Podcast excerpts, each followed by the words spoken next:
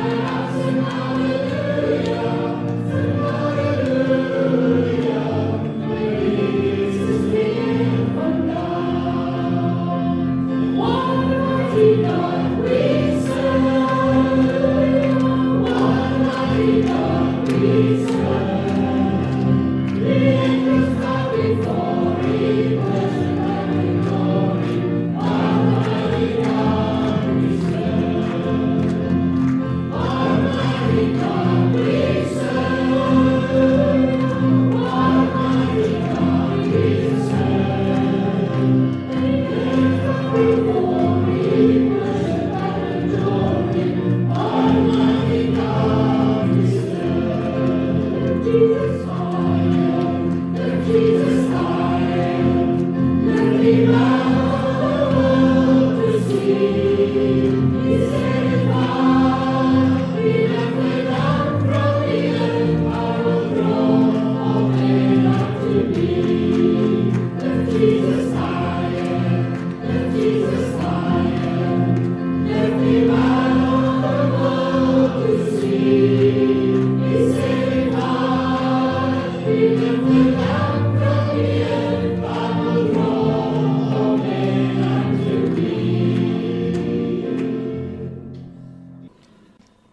vandag graag met u praat oor hierdie tema.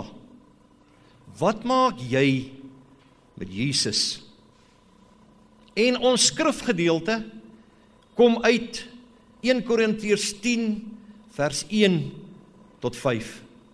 En ek lees dit vir u uit die nuwe lewende vertaling van die Bybel. Paulus skryf hier: Liewe broers en susters, ek wil hê dat julle goed verstaan wat destyds met ons voorouers in die woestyn gebeur het. God het hulle almal gelei deur middel van 'n wolk wat vooruit gegaan het. Hulle het almal veilig deur die woestyn getrek. As volgelinge van Moses is hulle almal in die wolk en in die see gedoop. En hulle het almal van dieselfde wondervoedsel geëet en almal van dieselfde wonderwater gedrink. Want hulle het uit die wonderrots gedrink wat hulle vergesel het en daardie rots was Christus. En tog was God met die meeste van hulle ontevrede en het hy hulle in die woestyn laat omkom. En dan ook vers 9. Ook moet ons Christus nie uittart so sommige van hulle en toe hulle deur slang buite omgekom het nie. Ons lees tot sover. Kom ons bid saam.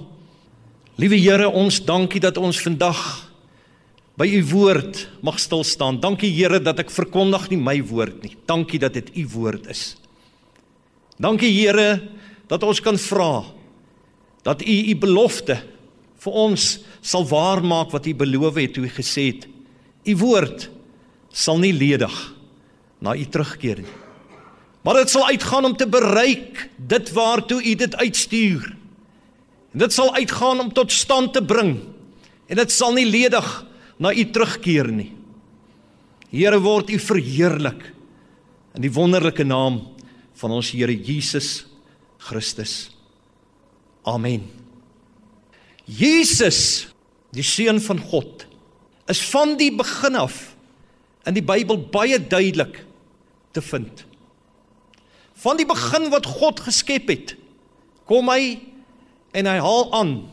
En die Bybel gebruik 'n meervoudsterm daar. En God het geskep. En dit wys vir ons op God drie-enig wat daar geskep het. As jy lees deur die Bybel, dan sien ons alreeds kom Jesus daar voor as die woord van God. En daarvan lees ons in Johannes 1. In die begin was die woord. En die woord was by God. En die woord was God. En niks wat bestaan het ontstaan sonder die woord van God nie. Jesus was in die begin die woord van God. Weet jy op talle plekke deur die Bybel lees ons van die engel uit die Ou Testament wat gekom het na die mens toe. En hier die engel van die Here dui op die Here Jesus Christus wat daar teenwoordig was. Maar weet jy wat? Baie kere lees ons verder en vind ons ander maniere waarop die Here Jesus homself openbaar het ook in die Ou Testament. En een wat vir my nuut was, wat ek nou gelees het, staan daar. En die wonderbare rots waaruit die volk die wonderbare water gedrink het, was Christus wat teenwoordig was met die volk. En so gaan jy aan deur die Bybel. Die Bybel sê daardie rots was Christus. Dis egter in die Nuwe Testament, geliefdes, wat ons lees, wat ons baie makliker vind om Jesus te sien en te beleef en met hom te assosieer omdat hy gekom het as 'n mens net soos ek en jy om in alle opsigte met ons mee te leef en met ons meegevoel te hê. En dis wonderlik. En ons lees daarin dat God hom gestuur het as 'n offer vir elkeen van ons. Hebreërs sê God was nie meer tevrede met die offers van stiere en bokke en skape soos wat u en ek dit geken het in die Ou Testament. Hy het vir homself 'n liggaam. Hy het vir homself 'n offer berei. Hy het vir homself iets gegee wat plaasvervanger kan wees vir my en jou. En dit is Jesus Christus. Weet jy wat is die mees volmaakte liggaam wat daar ooit kan bestaan? Ons kan doen met ons liggame wat ons wil. Ons kan hulle so mooi maak soos ons wil.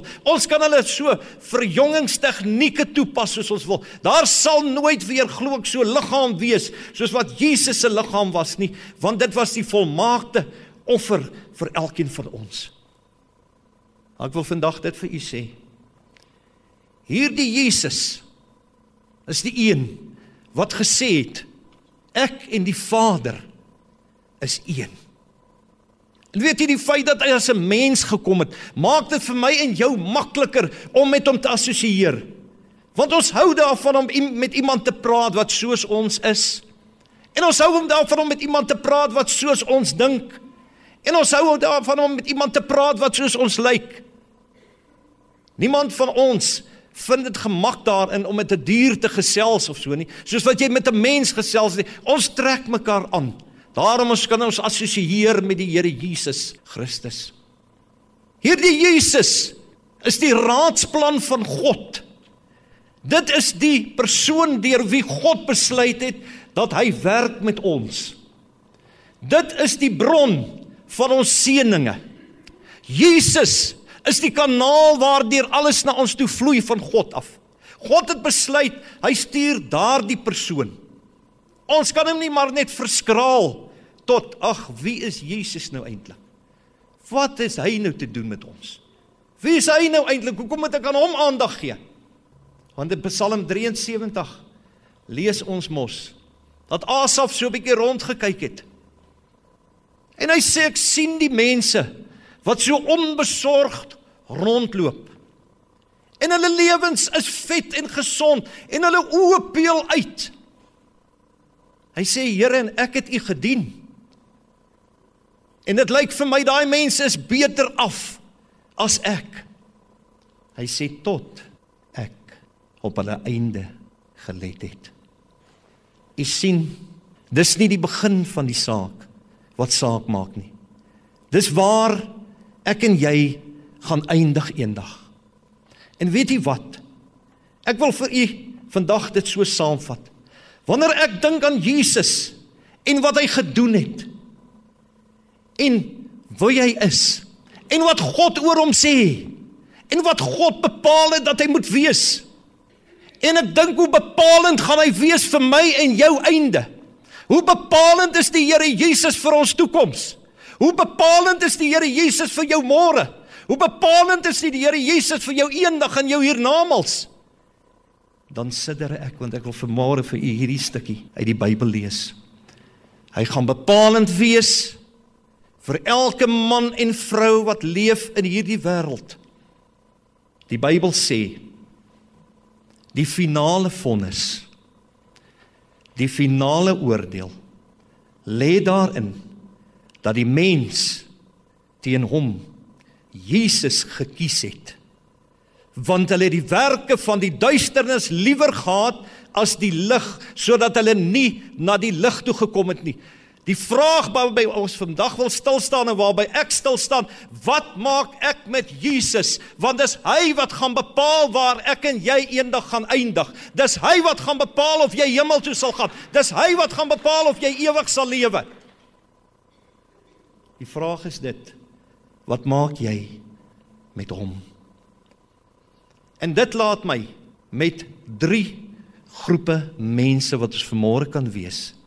En jy moet vanmôre luister onder watter groep val jy? Die eerste mens is die mens wat die Bybel van praat.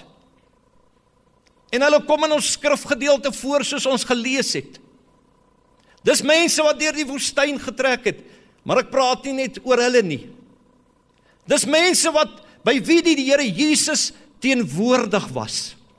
Hulle het nie so seer om gesien nie, maar sy teenwoordigheid was daar.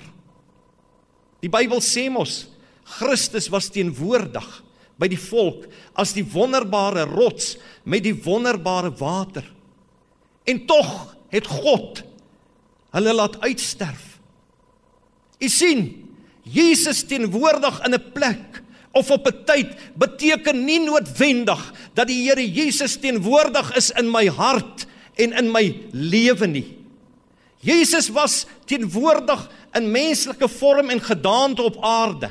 Sy eerste wonderteken het hy gedoen by 'n bruilof te Kana in Galilea. Hy was daar.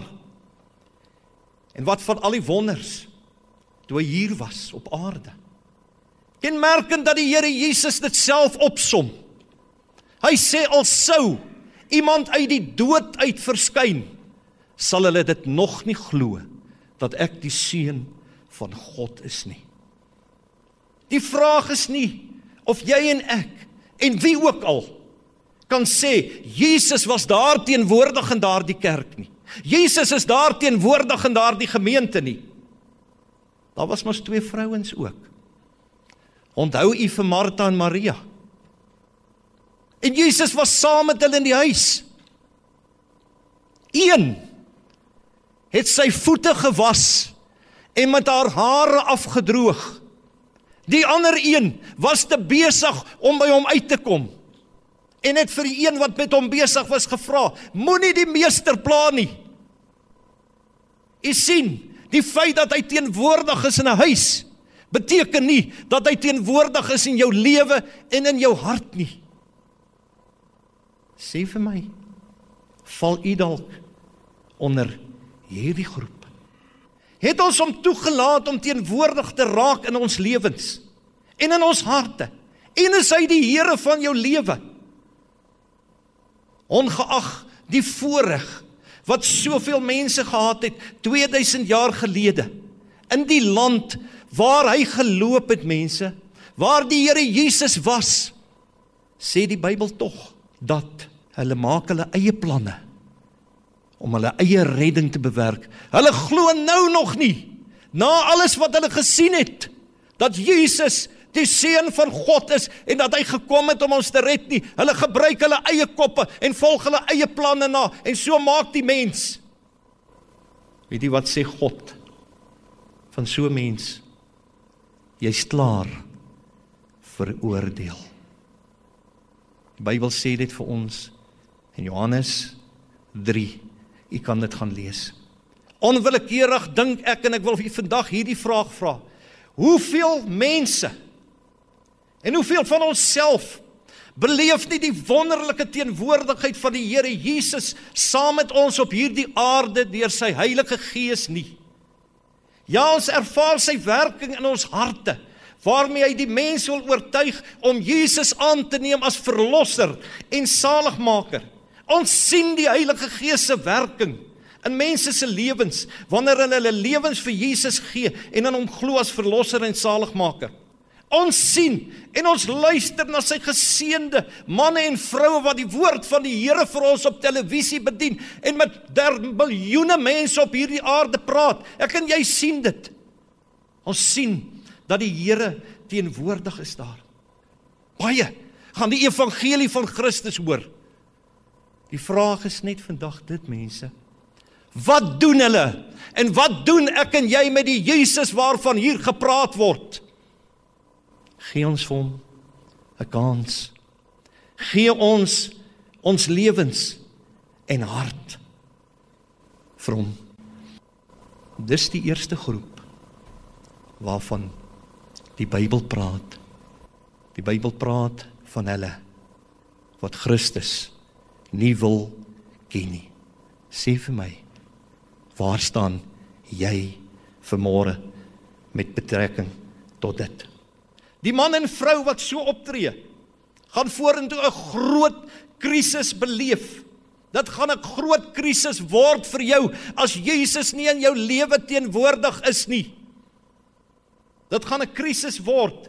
Die Bybel waarsku ons in Johannes 3 vers 19 en sê die beslissende vonnis, die beslissende oordeel, die veroordeling van die mens bestaan daarin wat hulle met Jesus Christus gedoen het. Niks anders nie. Nie hoeveel ek in die kerk was nie, nie hoeveel ek bid nie, nie hoeveel ek Bybel lees nie, nie hoeveel ek dit doen nie. Wat doen jy met die seun van God? Dis die beslissende saak. Hy het aarde toe gekom. Maar die mens was eerder lief vir die werke van die duisternis as die werke van die lig. Dis die eerste groep. Kom ons kom by die tweede groep mense. En die Bybel hier praat hiervan. Jy moet mooi luister vandag. Hy praat nie net van hulle wat buite wat niks met Jesus te doen het. Hy kom nou na ons toe. Hy kom na die kerk toe. Hy kom na die Christen toe. Hy kom na jy toe wat sê jy's kind van God. Hy kom na die gelowige toe. En luister wat beskryf hy hier. Die Bybel praat van mense hier wat kan bou met hout en hooi en stoppels. Christene. Weet jy wat beteken Christen? Beteken Christus in my. Is afgelei van twee woorde. Dis wat 'n Christen is. Ons lees van hierdie mense op verskillende plekke. Ons lees in 1 Korintiërs 3 vers 10 tot 13 van hulle. Ons lees van sulke mense in Galasiërs 1 vers 5 en 6. Hoor wat sê die Bybel? Ek is verstom oor wat julle gedoen het. Hoe kan julle so gou julle rug op God draai? Op hom wat julle deur Jesus Christus se goedheid na hom toe geroep het. Julle het julle ore uitgeleen vir 'n ander goeie nuus. Maar daar is geen ander goeie nuus nie. Daar is maar net een goeie nuus en dit is dat Jesus vir ons gesterf het en verzoening vir ons behaal het. Hy sê hier, julle laat toe dat mense julle wil beïndruk met stories en met ander dinge. Ek wil vandag vir u sê ons lees van sulke mense in 2 Korintiërs 5 waar Paulus hierdie hoogheilige Korintiërs aanspreek en vir hulle sê luister kom versoen julle weer met God want ons hoor dinge tussen julle wat ons van ander mense nie gehoor het nie van die heidene nie gehoor het nie Dis Christene wat hier bou. Dis Christene wat bou met hout en hooi en stoppels. Die Bybel praat van dit as die tweede groep. Paulus sê kom versoen julle dringend met Christus. En weet jy wat? Dieselfde woord wat gebruik word vir jou en my versoening met Jesus, gebruik hy ook vir daardie mense weer. Want hulle het weggeval van die Here af. Is u dalk moontlik een van dit?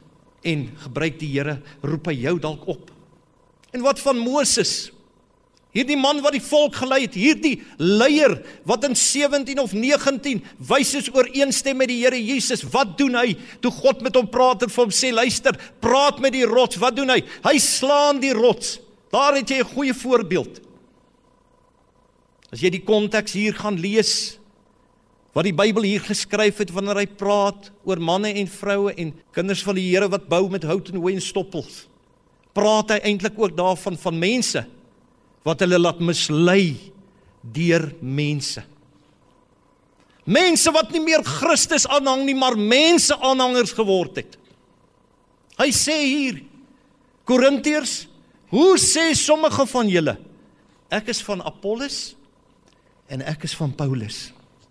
Dan vra die apostel en hy sê nou wat is ons nou eintlik? Wat is Paulus nou eintlik? Wat is Apollos nou eintlik? Hy sê ons het maar net geplant. Wat saak maak is wie laat groei? God het laat groei. Dis wat saak maak. God maak saak, nie die mens nie. Alhoewel ons mekaar moet lief hê. Maar ek wil vir u net sê en net twee voorbeelde noem. Wat kan gebeur? Jy weet ons leef in 'n tyd wat jy verskriklike dinge sien in die geestelike lewe. Die Bybel waarsku vir ons en sê vir ons ons moet by Christus bly. Ons moet pas op wat ons glo. As jy begin mense aanhang, dan val jy dalk onder die wat bou met hout en hooi en stoppels.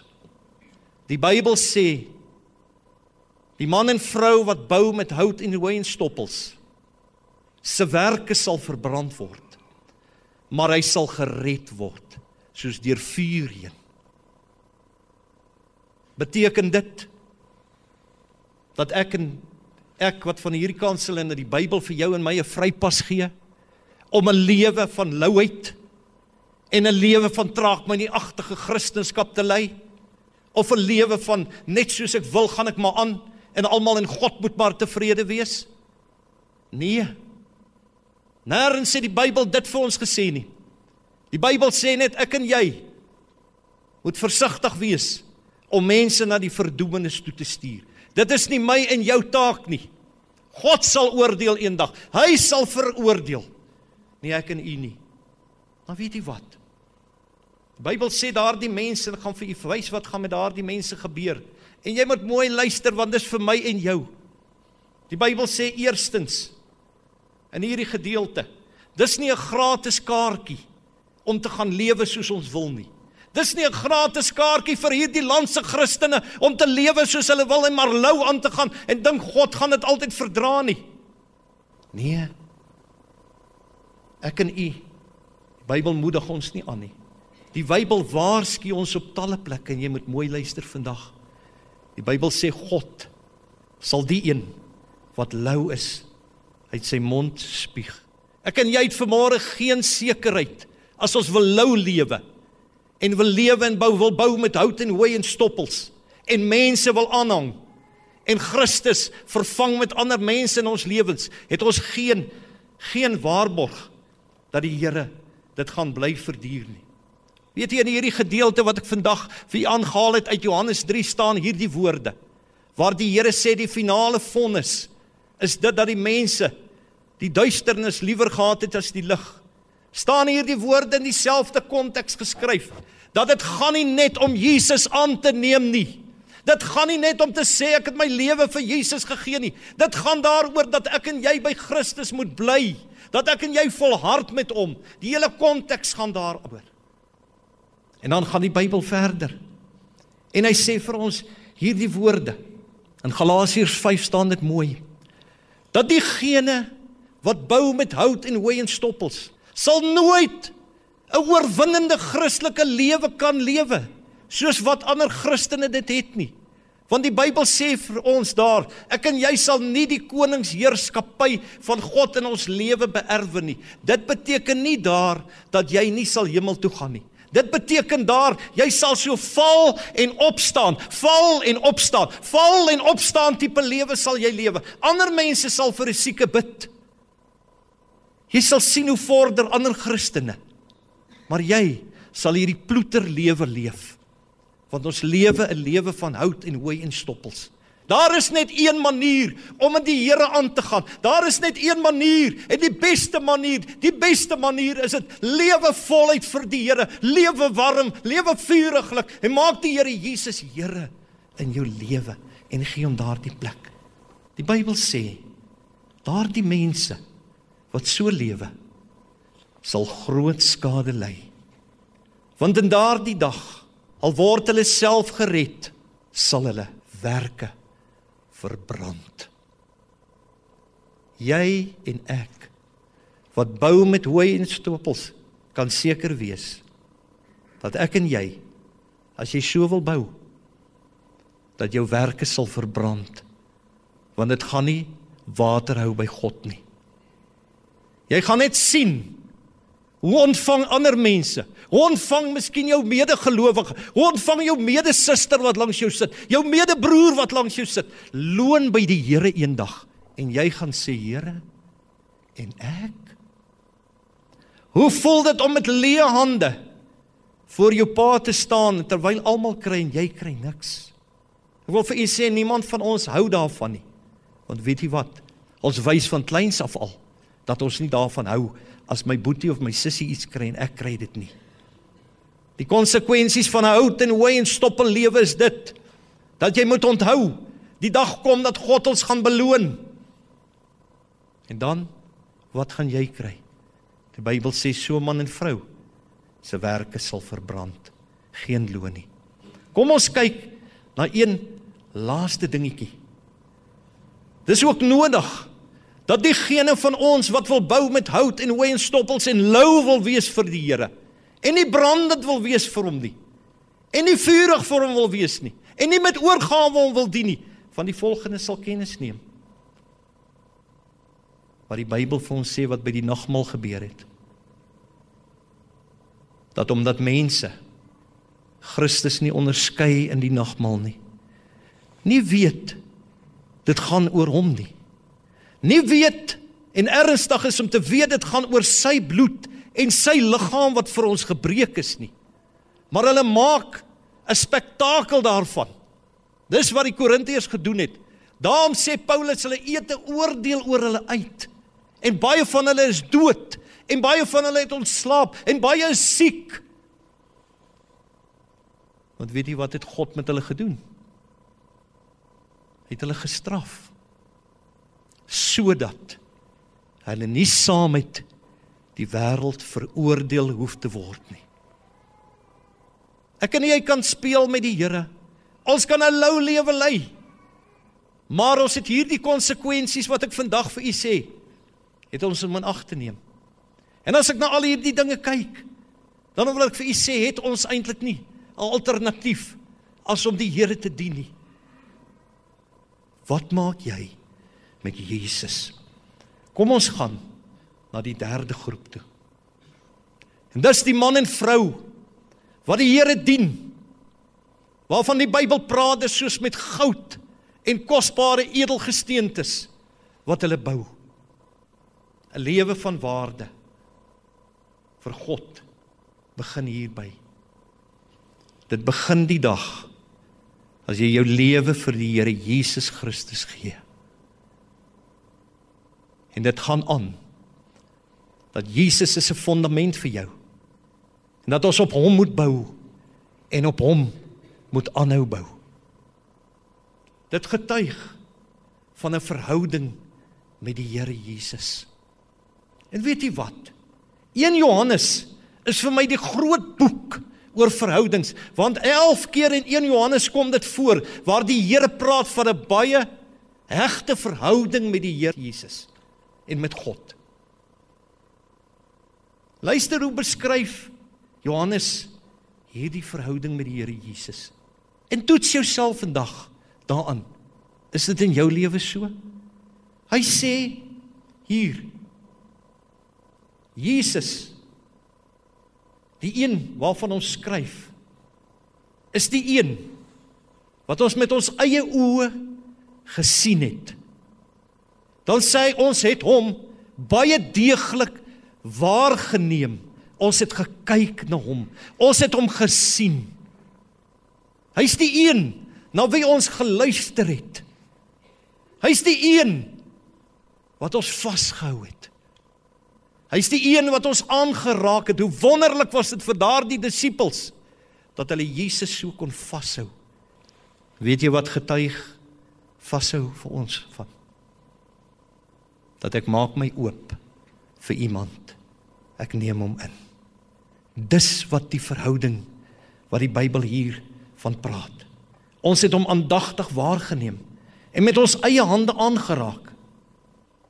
En dan beteken dit ook is jy besig om met hom te kommunikeer. En dan laastens dat ons sal bly by die Here en dat ons sal groei in die Here. Dat ons sal groei in die Here. Ek moet groei in my liefde vir die Here en vir die mens, nie net vir die Here nie. Ek kan nie praat van 'n verhouding met die Here en ek sê ek lees Bybel en ek bid en gaan kerk toe en ek en ek vergeet die mens om my nie. Ek voel ook partymal, luister ek skryf hulle maar af. Ons moet groei in ons liefde. Weet jy wat hoe openbaar God op wat is sy liefde? Sy liefde is 'n liefde wat gee. Johannes 3 vers 16 want so lief het God die wêreld gehad dat hy sy enige gebore seun gegee het. God gee vergifnis. God gee geregtigheid. God gee regverdigheid. God gee om. Sê vir my, hoe vergelyk jou liefde en my liefde vandag met sy liefde? Gee jou liefde ook of wil dit net hê? Die tweede ding Ek moet onderdanig wees aan die Here. Ek sal my bes te doen om die Here se opdragte uit te voer wat hy vir my gee. Hoe vaar u met betrekking tot die groot opdrag, die grootste opdrag wat hy gegee het? En dit is gaan maak disippels van alle mense. En derdens ek moet die Here respekteer en hom dan om die eer en aanbidding gee. Respek beteken dat ek hom sal ophef. Een ding is soos 'n paal bo water. Wat jy met Christus doen, gaan bepalend wees vir jou en my toekoms. Here Jesus Christus bepaal ons toekoms en waar ons gaan eindig. En Here, hy bepaal die kwaliteit van ons lewens. En hy bepaal in 'n verhouding met hom bepaal ook wat ons verhouding gaan wees met mekaar. Want as ons respek het vir U, sal ons ook respek hê in ons huwelike vir ons vrouens en ons mans en respek hê vir ander mense. Here help ons dat ons Jesus alles sal maak in Jesus wonderlike naam. Amen.